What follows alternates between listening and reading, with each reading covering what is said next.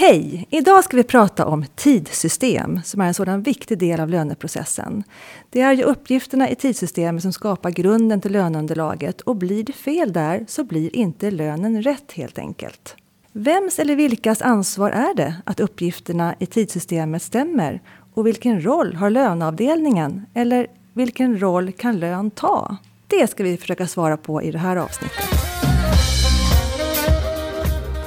Jag heter Katarina Sand och jag arbetar på rekryteringsföretaget Wise Professionals där vi bland annat rekryterar och hyr ut lönekompetens. Lönepodden gör vi i samarbete med SRF-konsulterna och Knowit Insight HRM.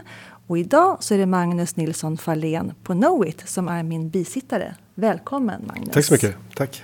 Vad tror du Magnus? Hur ofta händer det att det blir fel i tidssystemet? Eller hur stort är problemet ute på, löna, på, på löneavdelningarna? Det blir något så här klassiskt eh, det beror på-svar skulle jag vilja säga. Ehm, väldigt bemanningsintensiva eh, verksamheter kan ju ha väldigt bra kontroll på det hela. Men kan också ha liksom vissa problem med att hantera själva vad ska man säga, tidredovisningsprocessen eller tidrapporteringsprocessen. Eh, och andra enheter som är betydligt mindre, de kan ju ha motsvarande problem. Antingen har man koll eller inte koll. Så det där beror nog väldigt mycket på vilken kunskap man har, vilka systemstöd man har, hur man har organiserat sig och sådana saker. Mm. Okej, okay. vi har bjudit in två experter på området. Anna Westerlind och Roger Lutell. Välkomna! Tack så mycket. Tackar. Anna är med oss i studion och Roger är med från sitt hem i Malmö på länk. Ni har båda lång erfarenhet av att jobba med tidssystem. Du Anna på leverantörssidan. Du är idag anställd på SoftOne.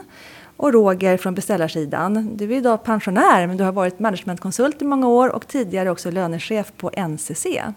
Och I våras kom ni ut med boken Vart tar tiden vägen? Boken om systemstöd för arbetstid. Och då undrar jag, varför har ni skrivit den här boken?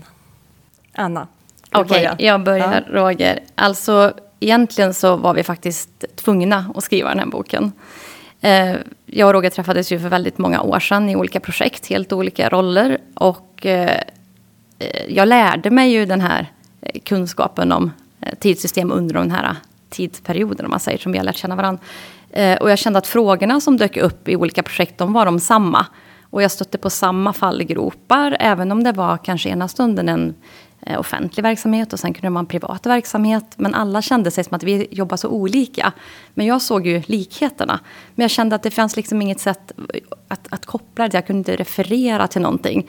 Så då kände jag att när jag hade jobbat med det här tillräckligt länge att nu kan jag inte, jag kan inte upprepa samma saker om och om igen. Utan jag tar med mig någon på banan och så skriver vi ihop egentligen. Vi sammanställer det som vi har lärt oss helt enkelt. Mm.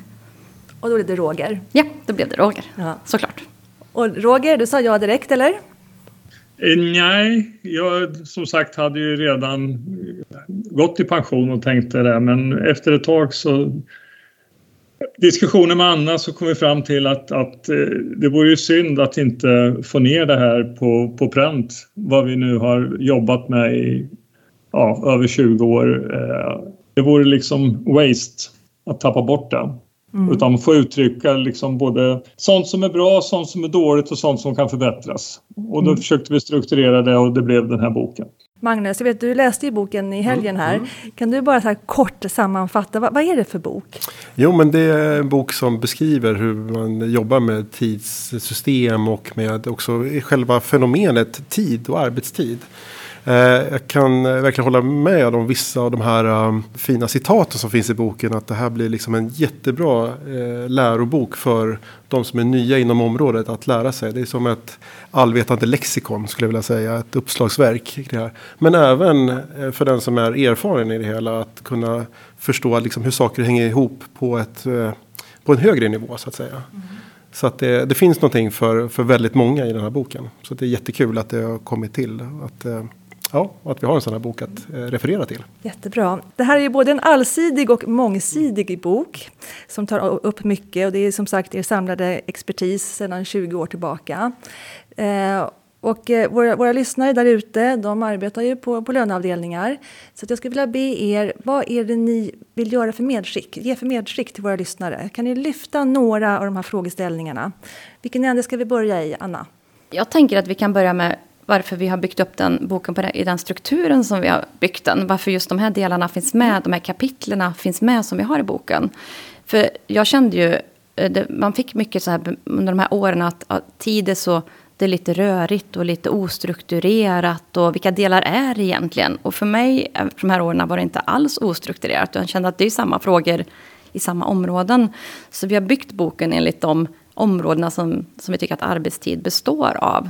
Och vi har ju också referensläsare för varje kapitel för att säkerställa att det här är en, en sån uppfattning som är, är, så generell som möjligt. Eh, och då börjar vi ju med definitionen av, av tid, alltså arbetad tid. Det är spännande att börja där. att Bara där reser sig ju frågeställningar som jag tänkte peka lite åt Roger till, men att, att bara tala om vad, vad är arbetad tid för någonting. Roger, vad är arbetad tid? Ja, för det första så de flesta lönesystem redovisar ju ett begrepp på lönespecen, arbetad tid under perioden. Eh, men vad innehåller den? Alltså, vad är, den definitionen borde varje verksamhet titta på. Vilka värden ackumuleras i begreppet arbetad tid? Vi har betald tid, vi har närvarotid, vi har betald frånvaro, vi har total frånvarotid. Vad betraktas som frånvaro? Om jag är på tjänsteresa, ja då är jag frånvarande för min kanske ordinarie arbetsplats. Går jag på kurs betald, då jobbar jag inte med det jag är anställd för, men jag får betalt. Att, att utreda begreppet, de här definitionerna tid, det har vi försökt att göra i det här kapitlet som vi kallar för arbetad tid. Så det är intressant för varje verksamhet att titta på. Och det där är ju jätteviktigt, precis som du säger Roger, att varje verksamhet själv definierar vad som är ens liksom, parametrar i det här. Därför att om man sen ska tänka sig nästa förlängning att man ska följa upp de här sakerna och jämföra mellan olika tidsperioder, år, kvartal, månad och så vidare. Så måste man ju veta vad man pratar om. Så därför så blir ju själva definitionen och jämförelsetalen blir jätteviktiga att ha med sig i det här. Så att man också kan liksom leverera rätt data till resten av organisationen. Och det tror jag är en jätteviktig parameter i det hela. Ja, och om, när vi har då gjort definitionerna klara så är det också att fundera på vad, vad, inne, vad innehåller tidsprocessen för någonting. För om man säger att lön handlar om utfall, då, då är det så att säga redan eh, klart. Då, då har det hänt redan. Och vad är då underlaget för utfallet? Jo, det är ju de avvikelser som skedde. Eh, den verkligheten som, som kom mellan planeringen och utfallet. Så att det, själva underlaget till utfallet föds ju i tid. Det är där man planerar sina resurser. Då vet man redan den grundläggande arbetstiden. Sen kommer verkligheten att träffa på oss. Då kommer avvikelserna. Och sen skapar det ett utfall. Så boken, det är viktigt, boken ska ju visa på att egentligen så föds ju utfallet mycket, mycket tidigare. Och vi kan följa det egentligen dagligdags. Vi, egentligen borde vi veta när vi har lagt schemat ungefär vad lönekostnaden kommer bli. Eh, och budgeten för lönekostnaden har man lagt ytterligare tidigare, så den ligger ännu ett steg före. Så vi har också i boken gjort de här olika definitionerna av processen. Att först har vi en budget för personalkostnader, sen planerar vi ett schema. Då skapar vi ju kostnaderna som ska höra samman med budgeten. Och sen kommer verkligheten. Då händer massa saker som vi ska ta hand om som också påverkar kostnaderna. Och sen kommer utfallet. Att visa vilka försteg som ligger innan själva lönen bearbetas egentligen. Om vi pratar om lyfter problem som kan uppstå, då, var uppstår problemen i den här processen? Ja, vi har ju gjort så att vi har egentligen faktiskt tittat i, i varje område, för det finns ju frågeställningar nästan i, i varje område. Så jag vet inte om vi till exempel ska börja med, Roger, det här med organisationen och organisationsstrukturen som är ett av... Vi har, Roger och jag har lite olika, vi har olika bakgrund, så vi har lite olika så här, favoritkapitel. Så man skulle kunna säga att det är en, en sponsor för varje kapitel. Så att, jag vet inte Roger om du vill prata lite om det här med... Det är ju så att eh, eh, i tidsprocessen så ska ju någonstans tiden godkännas, attesteras innan den eh, levereras till lönesystemet. Och då är det viktigt att vart hör respektive anställd hemma i organisationen? Man har en, ett organisationsträd. Varje medarbetare har en hemvist. Eh, vem har rätt att attestera den eh, tiden som, som eh, finns inom respektive eh, verksamhetsdel. Och eh, det här måste ju vara uppdaterat kontinuerligt. Det sker i alla större, i alla organisationer mer eller mindre så sker det ju förändringar av organisation. Vem är chef för vem och vilka nya chefer finns det? skapas nya avdelningar, det tas bort avdelningar och så vidare. Och då, ju större verksamhet, ju större problem därför att det blir ju mer och mer rörligt. Och det är inte bara tidssystemet som är beroende av det här. Man kanske har ett res, eh, reseräkningssystem, man har ett HR-system, man har ett lönesystem. Eh, och behörighet till de olika personerna på olika nivåer i alla de här systemen måste ju underhållas. Så vikten av att ha en process för att organisationsstrukturen är rätt uppdaterad Eh, och att de anställda finns på rätt ställe och om man flyttar under perioden så måste man ha en process för att hantera hur ska jag första halva månaden var jag hos den chefen, andra halva månaden ska jag ha den chefen. Hur ska man hantera attestfunktionen där? Så att eh, det här området, organisation, attest, eh, godkänna och så vidare, det det är en central verksamhet eller en central del av eh, tidsprocessen. Det här måste fungera för att det ska gå bra och gör det inte det så ja, då kan det skapa fel till lön. Att det ligger oattesterade transaktioner och så vidare. Och skulle vilja tillägga där för ett systemperspektiv att eh, eh, det är ju en sak om personen byter chef, men det kan ju också vara att vissa eh, verksamheter så lånar man ju personal också. Man jobbar med inlåning och utlåning och då ska ju kostnaden följa med för den där personen arbetar. Och då lägger man också en dimension på det här vem som ska attestera. Är det då linjechefen, den som är personalchef, eller är det den som får kostnaderna på sin avdelning? För att kostnaderna följer ju ofta följer med till lön, så att eh, kostnaderna eh, bokförs på rätt konto. Så även inlåning och utlåning är en aspekt som det skapas i tidssystemet, att, att testen görs av rätt person och att kostnaden bokförs på rätt konto. Och det är också i tidssystemet som, som det här ska ske. Men man kan väl lugnt säga att bara det att om allting skulle vara statiskt, då skulle vi inte ha några problem. Men så fort verkligheten kommer in och vi sker förändringar som du nämnde här med in och utlåning eller att folk blir sjuka. Eh, vi, måste, vi får nya order, vi måste jobba övertid och så vidare. Allt det där blir ju saker och ting som påverkar liksom, den förutbestämda processen. Och det som vi trodde var det förutbestämda resultatet. Och det är ju samma sak också hur, hur man kan optimera själva liksom, nyttjandet av de personella resurser man har i ett, ett tidssystem och även koppla på då schemaoptimering och bemanningsplanering i den delen för att se hur många behöver vi ha för att bemanna upp en viss eh, funktion. Eh, det påverkar ju också då naturligtvis liksom själva utfallet. Och allt det där är ju liksom rörlig materia. Och också att, eh, verksamhetskritiskt. Så att tidssystemet blir verksamhetskritiskt. Absolut. Mm. Så att eh, om man skulle skicka med eh, några tankar till våra lönefunktioner där ute. Det är ju verkligen att sätta sig tillsammans med verksamheten i de här frågorna. Och verkligen förstå eh, varandras del i den här processen. Så att verksamheten får berätta så här ser vi på det hela. Det här är de utmaningar vi har. Och så får lön berätta okej okay, när ni gör så här så får vi följande utmaningar på vår sida. Vilket gör att eh, det är saker och ting som faktiskt vi kanske inte är riktigt överens om. Eller så ser vi jättefina möjligheter på att det här kan vi göra så himla mycket bättre. Wow, vad mycket tid och energi som vi kan spara och kvalitet som vi kan förbättra. Och också om de här, eh, så här kontona och konteringarna, för det är ändå en del av hjärtat. För det är där man mäter kostnaderna mot budget och så vidare. Om man upptäcker att de är fel så upptäcks de ju ofta kanske lite sent. Och då kan man också fundera hur långt tillbaka ska man kunna ändra? Och då behöver man ändra i tid och ska vi då attestera om? Så just det här som Roger nämner kring organisation och förändringar, rörligheten är en otroligt central del. Att kostnaderna ligger på rätt avdelning och att de attesteras av rätt chef. Mm. Och sen också att om det blir fel så är det så att vi måste rätta det direkt. För om felet kvarstår länge så blir det otroligt kostsamt, alltså administrativt jobbigt att rätta historiskt. Mm. Det är så många saker som påverkar det. Men om det här då är en verksamhetskritisk eh, fråga, då, tidssystemet, att det blir rätt. Det blir, alltså, underlagen in där måste bli rätt och det kommer liksom från verksamhetens planering och schemaläggning och bemanning och allt det här. Och sen ska det ut då till lönesystemet och ut i rätt lön. Men du då som sitter på leverantörssidan eh, och alltid gjort det vad jag förstår då Anna. Vem har du som motpart när du går ut eller som, det, det, din kund, vem är det liksom på företaget? Ja, tydligast var det när jag jobbade som implementationskonsult under många år och kom till olika verksamheter just i rollen att implementera ett, ett nytt tidssystem. Och det, jag visste aldrig vem jag skulle möta. Det kunde vara en HR-avdelning, eh, det kunde vara en löneavdelning och väl, det kunde också vara avdelningschefer. Jag hade liksom ingen självklar motpart. Och på något sätt så vande man sig lite grann att nu, nu kommer de här tid som inte riktigt hör hemma någonstans. Men nu kan jag känna så här när jag sitter här, jag, jag blir lite provocerad av den här situationen och känner att om det här vi ser kostnaderna, det här vi planerar schemat så att verksamheten har rätt bemanning, vi vet vilka kostnader som kommer uppstå, det här grunden till rätt lön byggs upp. Hur kan vi inte ha någon motpart? Jag tycker det är, jag, för, jag förstår inte faktiskt. Vad säger du Roger, som har varit managementkonsult och lönechef? Och, liksom, vad säger du som varit på lönesidan?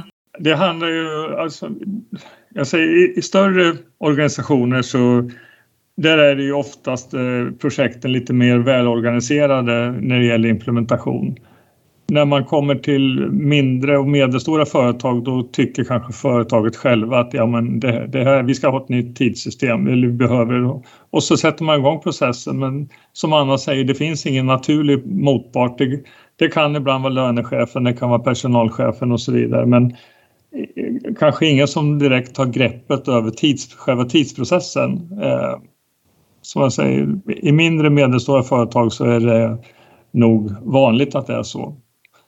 Men kan lön steppa upp här och steppa fram då? Är det, här, är det här en lönefråga? Eller skulle det kunna bli en lönefråga? Min erfarenhet är att lön är alltid inblandad men kanske inte har fått någon tydlig roll att, att ta ansvar för den här delen. Det, det är väl min erfarenhet.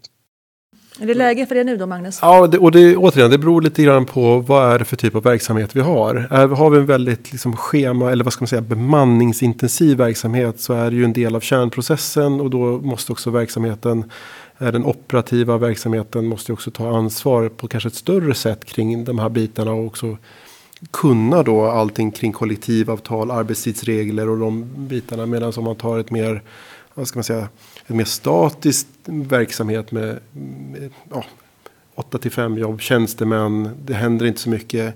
Ja, men då kanske inte det har samma behov av kunskapsöverföring till verksamheten på det sättet. Eh, så det beror lite grann på vilken typ av verksamhet man har, vilken roll man ska ta. Men jag tror att det är viktigt att sätta sig ner och verkligen tänka igenom de här bitarna. Och vilken motpart eller medpart man än har internt. Att man förstår varandra. För det är först då som man också löser de gemensamma frågeställningarna och problemen som uppgår, uppstår när man eh, jobbar över olika funktioner. Jag vill säga att det finns ju två huvudtyper av tidssystem tidssystem där du kör avvikelserapportering som du nämnde Magnus. Det är liksom du har tjänstemän eller du, du kanske till och med har bortköpt övertid. De, men om det är ett riktigt tidssystem som har en beräkningsmotor i sig där gör man ju en bruttolöneberäkning i tidssystemet. Man rapporterar händelser, man rapporterar kom och gå. Man rapporterar när man hade övertid eller man jobbade jour. Då räknar systemet ut resultatet och skickar till lönesystemet. Och då är ju det, i det fallet så är ju tidssystemet en väldigt viktig, det är en del av löneprocessen, lönesystemet egentligen. Man räknar inte ut kronor och ören men man räknar ut timmar och minuter och eh, styck beroende på vad det nu är. Va? Så att man skickar ju då antalet antalsinformationen går ju i en fil till lönesystemet. Sen sker ju själva prissättningen i lön. Och jag skulle vilja fylla på där också med att just med vilken roll avdelningen kan ta. För det som händer är ju de fallen som jag har mött bara, om man säger löneavdelningen, så har inte de haft en så himla lätt sits. För det kommer väldigt mycket verksamhetsfrågor upp som, som, inte man, som kanske inte ligger på det bordet och det ansvaret idag. Och då, då, finns det inte heller riktigt någon motpart, för om man pratar tid så pratar man inte bara lag och kollektivavtal, då talar, pratar man mycket om tolkningar, kultur och policies i verksamheten. För man kan ta en, som Roger nämnde om närvaroregistreringar, så då handlar det lite grann om, när, om vi pratar om de som faktiskt närvaroregistrerar och talar om när de kommer till jobbet. Vad, vad ska hända om de registrerar sin eh, starttid en halvtimme före utsatt arbetstid. Hur ska det tolkas? Eh, säg att de kommer 30 minuter för tidigt, så att säga. Hur ska man tolka det? Eh, eller om de kommer sju minuter för sent efter utsatt arbetstid. Vad ska vi göra med den tiden? Ska det bli ett frånvaroavdrag? Eller ska det tolkas som arbetad tid och närvaro? Och de här frågorna kan man tycka är lite små, men de är ju superviktiga för personalen. Och timanställda och extraanställda, de behöver ha rätt lön för sin arbetstid. Men vad är rätt lön en sån dag? Och sen kan det vara att lunchen, då kommer precis samma frågor. Om du går lite för tidigt, stannar lite för länge, hjälper en kund som behöver lite stöttning. Hur ska du bli ersatt under lunchen? Och sen när du går hem, om du går lite tidigt, stannar lite längre, du hann inte stänga för att det var en kund som var kvar. Får du ersättning för det? Då får du OB för den tiden. Det finns väldigt mycket verksamhetsfrågor som jag skulle nog påstå har mycket med kanske kultur och policy att göra. Som det är inte så lätt, tycker jag, för en löneavdelning att säga vi gör så här. För frågorna kanske ska ligga på ett annat bord. Men frågorna kanske ofta kommer till lön. Absolut. Ja, för vart ska de annars vända sig? Nej, jag har inte precis. fått lön för det här. Nej, och då... Ja. Men är det här en fråga om då att liksom själva tidsprocessen, att det saknar ett ägandeskap i, hos respektive verksamhet? Oberoende nu på ifall man har en väldigt schemaintensiv, om man får uttrycka sig så, verksamhet eller en mindre så. Så är det fortfarande så att själva ägandeskapet, vem som då faktiskt sätter ner foten och bestämmer så här fungerar hos oss. Absolut, och ju mer man automatiserar de här regelverken så att det blir Eh, finns ett, ett riktigt tidssystem som Roger sa som räknar ut det här, då blir det svart eller vitt. För om man tittar på hur, när jag mötte verksamheter för 20 år sedan, då fanns det väldigt mycket så kallade svarta böcker. Där man gjorde lite noteringar, jo men Kalle han är ju ändå så duktig, men, men Stina hon är ju lite slarvig. Så att man gjorde olika och sen kom jag som konsult och sa nu ska vi sätta upp ett automatiskt regelverk. Och det blev ju väldigt mycket kalendertid som gick iväg. Och man möter också en kund som kan säga att jag har ett kollektivavtal hos mig. Och så tänker man själv, ja med 15 varianter. För att, för att man hanterar personalen olika. Det vill man inte erkänna, men det gör man. Men vilken svår roll lön har då, om man är ensam på löneavdelningen eller lönefunktionen också och får allt det här. Sen ska man då betala ut den här lönen och så blir det inte helt rätt. Och sen så kan man inte... Vad ska man göra då som lyssnare om man, om man har den här problematiken och får mycket frågor som man ska svara på och inte kan svara på? Men ändå ansvara för att lönen ska bli rätt på något sätt. Mm. Hur, hur ja, just den här policy och ägandeskapsfrågan. Det, ifall inte då eh, lönefunktionen på ett mindre bolag. Om det är det du refererar till. Om man nu sitter själv. Mm. Så, ja då är det ju ens chef eller någon annan i ledande befattning. Som verkligen måste ta ansvaret. Och, och ta ägandeskap i frågan. Det är ju A och O. För att det det ingår ju inte i lönefunktionens roll och att göra det ifall det inte är explicit uttalat så. Jag, och jag har svårt att se att det skulle vara så. Men de behöver ju flagga alltså, och kroka arm med andra då. Precis, kanske... ja. Och det är återigen det här. Och det är inte liksom att säga att men, nu, nu gör ni fel och vi gör rätt så att säga. För att, eh, det kan man väl också se att men, det är lätt att sitta på en lönefunktion och säga att nu har ni skickat in fel och då får vi jobba jättemycket. Um, och, och, så är det ju i vissa lägen. Men samtidigt så är det också så, men vad kan vi då göra för att hjälpa varandra så att det blir rätt i det första läget? Uh, och den tror jag är jätteviktig att, att uh, verkligen adressera till alla lönefunktioner. Och nästa sak är ju också då att, att okej okay, om man då har policyfrågor, ja, men då måste man lyfta den delen och kroka arm med dem. Så att det blir rätt sätt. Mm. Vad säger du Roger? Jag kan dra en parallell till och det är ju när man kommer till ett, lite, ett bolag som har eh, Eh, verksamheter kanske lite spritt geografiskt med ja, det, industrisidan kanske har verksamheter på flera orter. Och så har man lokala överenskommelser, en del är nedtecknade, en del är inte nedtecknade och man har hanterat det själv. Och så kommer man ska implementera ett, ett nytt tidssystem med automatiska beräkningar. Så ett stort jobb det är ju att få verksamheten att, att försöka enas om tolkning av så här ska vi tolka regelverket, avtalen eh, och inte ha så många varianter för varje variant kostar ju en anpassning i systemet eller en specifik uppsättning i systemet som man ska implementera. Eh, och det gör det också lättare för eh, alltså lönekontoret och tidsadministrationen att kunna ge svar till medarbetare och chefer att de här frågorna, ja de hanterar vi på det här sättet att man inte har eh, så många varianter. Och jag kan säga att i ett, jag har jobbat ganska många år och implementerat system, drygt 30. Och alltså det här är en, en tid, om jag säger att ett projekt tar ett år så tar det här tre månader av det året eh, i en verksamhet med mellan, ja, mellan 2 och 5 000 anställda. Det tar så lång tid. Eh, för att det krävs kanske fackliga förhandlingar, man har gjort lokala avtal, Eh, man har så att säga, av tradition gjort så här. Så att ja, det är en stor grej att få och det underlättar sen eh, kanske då för lön om man har ett tydligt ledeverk. Och det är väl där som är skillnaden, just att när man pratar om att man har lag och man har en kollektivavtal och så tänker man att så, eh, nu, nu vet vi vad som gäller. Men sen kommer verksamhetsfrågorna och de hamnar i tidssystemet. Och om inte man då har någon motpart där så blir det väldigt... Man riskerar ju att få olika hantering och olika uppsättningar. Och personalen kommer behandlas olika. De kommer få olika lön. Så att rätt och fel lön, ja, men det är frågor som måste upp på bordet som är verksamhetsfrågor som egentligen är tolkningar av samma kollektivavtal. Okay.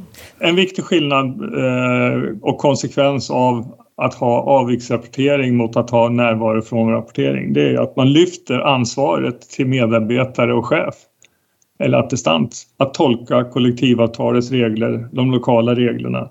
Eh, och det gör ju att eh, har vi många tolkare ute i verksamheten så kommer det komma in många olika resultat för samma händelse. Så att eh, jag jag säger att det, det, många inser nog inte att, att det är bra att ha ett tidssystem som gör de här beräkningarna och har tolkningarna i systemet istället för i huvudet på de anställda och eh, attestanter. Det där är ju en rättvisefråga också. Om man harmoniserar och standardiserar hur man ser och tolkar kollektivavtalet så blir det också rätt och riktigt mot samtliga, eh, för samtliga medarbetare. Och det är ju också naturligtvis jätteviktigt. Jag kan också tillägga att det är inget krav att eh, man har, alltså att du, att du registrerar kom och gå, start och sluttid. Du kan ändå ha ett tidssystem som gör den här beräkningen. Eh, skillnaden är ju att du rapporterar in händelser helt enkelt. Kommer du för tidigt, ja då får du tala om okej, okay, är det här flextid eller är det övertid? Och så får man ju rapportera in där då. Du har ändå ett schema i botten och systemet beräknar din ersättning efter det schema du har och de avvikelser du har rapporterat in. Och det här är en vanlig missuppfattning när jag kommer ut till företag när jag säger att vi ska ha ett tidssystem som gör de här beräkningarna. Men vi vill inte stämpla, säger jag. Ja, men du behöver inte stämpla de, den personal det är viktigt att tala om eh, kom och gå, ja låt dem göra det. Men det gäller ju inte alla. Utan utgångspunkten är att man jobbar enligt det schema man har. Och gör man inte det så rapporterar man eh, de händelserna. Men man gör det i form av tid istället för eh, att man har en ren avvikelse där man ska välja, jag har jobbat över, ja, då ska jag övertid 1 eller övertid 2 eller jag har beredskap, då ska jag ha beredskap 1, 2, 3 eller 4 och så vidare. Det är den skillnaden jag ser. Eh, Anna, vad, vad, har du mer på din, på din lista där med medskick till våra lyssnare? Jag tänkte faktiskt på det vi pratade lite grann om i början, det här med Roger pratade om arbetad tid eh, och saldon. Det är också en fråga som man eh, stöter på väldigt mycket när det pratar om just tid. För traditionellt sett så fanns ju saldon på lönespecifikationen. Att här, du har åtta semesterdagar kvar när, för oktober månads lönespecifikation.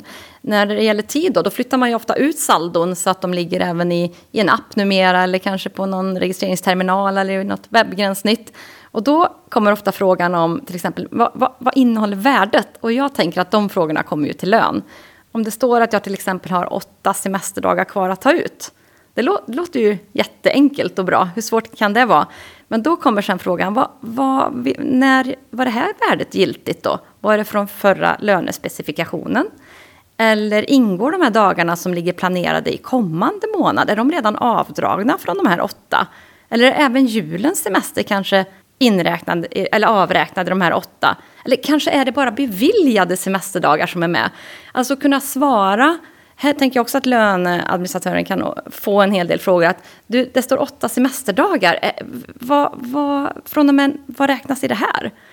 Och, så det är väldigt viktigt då när eh, värden lyfts så att säga, närmare den anställda att man faktiskt kan redogöra för vad ingår i det här värdet. Och där kan man väl säga att alltså, systemen som finns i vår värld, det gäller alla liksom, HR-IT-system, om det är tidssystem, lönesystem, HR, att det är liksom en uppmaning till alla systemleverantörer att försöka bygga systemen och göra dem så intuitiva som det bara går. Så att man liksom förstår som en sällananvändare. Okej, okay, den här informationen som jag får här vid mina fingertips. Okej, okay, det är det här som det innebär. Så att man just underlättar och kanske förhindrar onödiga frågor i så fall. Ja, och Roger, jag vet, du och jag hade ju många långa härliga diskussioner just det här med analys och uppföljning. Att eh, de flesta verksamheter ska ju rapportera hur många FTE man har, eh, fulltidsanställda. Eh, och där finns det ju många beräkningar, ungefär som arbetad tid. Vad är en fulltidsanställd? Eh, är det hur många huvuden vi har? Är det hur många som jobbar 100 procent? Ska vi räkna in praktikanter, vikarier? Alltså, det är också så här, det också, ligger ofta, det, tid har ju svar på de här, men hur ska man definiera värdet? Och det har vi också gjort ett antal i den här boken, definierat på det här sättet kan man räkna fulltidsanställda och på då olika sätt. Så det gäller att verksamheten vet hur, hur räknar vi på, på hos oss. Mm. Ja, och i årsredovisningen för ett aktiebolag så måste man redovisa antalet anställda. Eh, och, då är, och då, då är det ju alltså årsanställda, alltså FTER. Och här finns det ju eh, en rekommendation då från eh, revisorshåll hur man gör men jag kan lova att när man kommer ut i verksamheten så finns det många varianter, precis som Anna säger, på hur räknar man FTER. Jag hade en fråga till. Du sa semester där, Anna, men en annan viktig fråga det är ju komtid.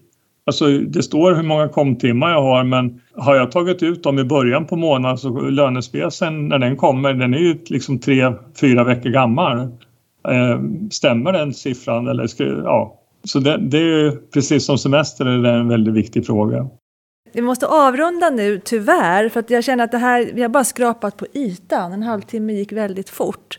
Eh, och jag vi kan väl tipsa lyssnarna om att läs boken, eller hur Magnus? Det är ja, en matnyttig, väldigt liksom, strukturerad innehållsrik bok. Det är, det är någonting för alla. Det mm. gäller att eh, hitta sina egna godbitar i, i den. Och sen så ta till sig det här och också ta med sig de sakerna som man har med, läst i boken. Um, I relation till de andra funktionerna som finns i ens egen organisation. Återigen, vi knyter an till det här. Hur kan man jobba mellan olika funktioner och lönefunktionen kan ta ett steg utanför sin egen funktion och verkligen liksom bjuda in till diskussion, dialog och lösa andras problem så att man också får färre problem på egen kammare. Det tror jag är jättebra. Mm. Och vi kommer ju ha ett frukostseminarium tillsammans med Roger och Anna den 27 januari på Akademibokhandeln i Stockholm. Så är du intresserad av att lyssna på, på det så går du in på wise.se under event och bokar din plats där. Anna, ni vill ju lotta ut tre böcker i samband med det här avsnittet. Och då tänker jag så här att eh, man får svara på en fråga på Instagram där vi har Lönepodden har ett konto. Eh, och då får man svara på vilken fråga då? Jo, jag tänker på att när man jobbar som eh, löneadministratör och som konsult för implementation av tidssystem så stöter man på mycket olika spännande ersättningar och avdrag som ska implementeras. Så jag skulle vilja veta, vad är den mest oväntade ersättning som du har registrerat för utbetalning i ett lönesystem? Och jag kan säga min första lite oväntade som jag stötte på som konsult och det var när jag skulle lägga in ersättning för snöskottningstillägg. Ja, men det är toppen. Då lägger vi ut frågan på Lönepoddens Instagram den 25 oktober. Och sen kommer vi låta ut då tre böcker bland svaren som kommer in. Ja, vi får tacka för oss. Tack så mycket Anna och tack så mycket Roger. Tack så mycket och tack så mycket tack till Henke som har producerat Lönepodden. Så hörs vi igen. Hej då! Hej då!